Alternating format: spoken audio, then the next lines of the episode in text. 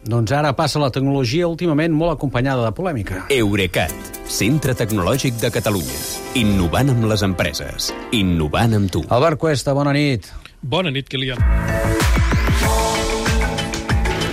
I avui això és d'aquelles coses que, que cal tibar del fil una mica, eh? Els cercadors web penalitzen les pàgines en català?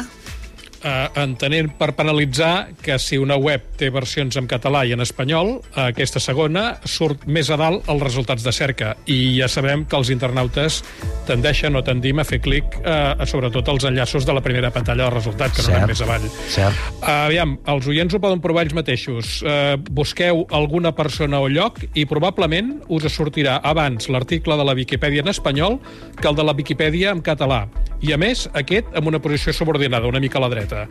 A mi, la veritat, t'he de dir que fa setmanes que m'ho semblava, però avui m'ho ha fet notar a Twitter l'Enric Gomà i ho he mirat més a fons. I, efectivament, he buscat Mercè Rodoreda i Jacinto Benavente perquè no hi hagués viatge, eh, diguéssim, de país. Sí. I, efectivament, el primer resultat que em surt amb els dos casos és l'espanyol.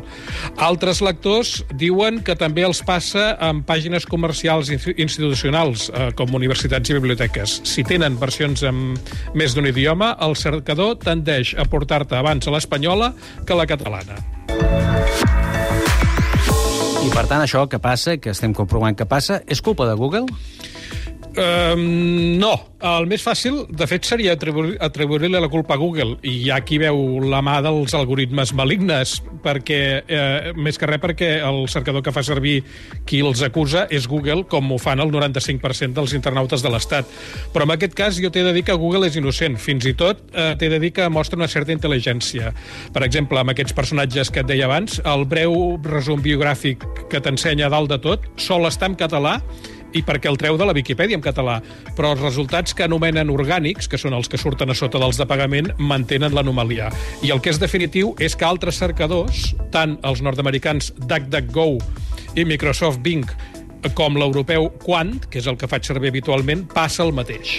I resulta que nosaltres no podem triar en quin idioma preferim les pàgines? O què passa Oi que tu, tu et pensaves que sí, Jo oi? em pensava És que sí, sí. És que se suposa que sí, perquè, de fet, hi ha almenys quatre llocs on podem indicar als serveis digitals les nostres preferències de llengua. N'hi ha dos que són implícits. Un és l'idioma del sistema operatiu de l'ordinador del mòbil i l'altre és l'idioma del navegador web que fem servir. Però és que els altres dos són explícits. Hi ha els cercadors que mantenen un perfil de l'usuari per pensionar-te publicitat, com fan Google i Bing, amb aquest perfil i pots forçar no només amb quin idioma et surt la seva... Quin hora, amb quin idioma veus el cercador, amb quin idioma veus Google i Bing, sinó també amb quin idioma prefereixes veure els resultats. I amb els altres, amb els que per privadesa no identifiquen l'usuari, com és el cas de DuckDuckGo i de Quant, eh, hi ha un menú desplegable on pots triar a quin país i de quin idioma vols donar prioritat als resultats. I en el cas de Quant, pots, per exemple, triar Espanya espanyol o Espanya català. Doncs bé, jo t'asseguro que tinc catalanitzats el meu ordinador, el meu mòbil, el meu navegador, el meu perfil de Google i l'idioma de Quant, i no aconsegueixo que els articles de la Viquipèdia en català surtin els resultats abans que el de la Viquipèdia en espanyol. I això eh, em fa pensar una cosa greu, que és que algunes opcions de selecció només hi són de la cara a la galeria, però sense cap utilitat real. Cosa que encara seria pitjor, eh? Només de Jo cara a la que sí. galeria, eh? Però mm. per quin motiu està passant això? Uh, T'he de dir que em sap greu, però encara no se sap. Encara no. Aviam, uh, uh, després de veure-ho, he- he- m'he posat les piles i he demanat explicació a tres dels cercadors, dels quatre que he dit, i també amb alguns experts, i no hi ha encara ningú que me'n sàpiga donar una explicació. Entre altres coses, perquè aquesta predominància, diguem-ne, de la versió en espanyol sobre la catalana no és uh, universal.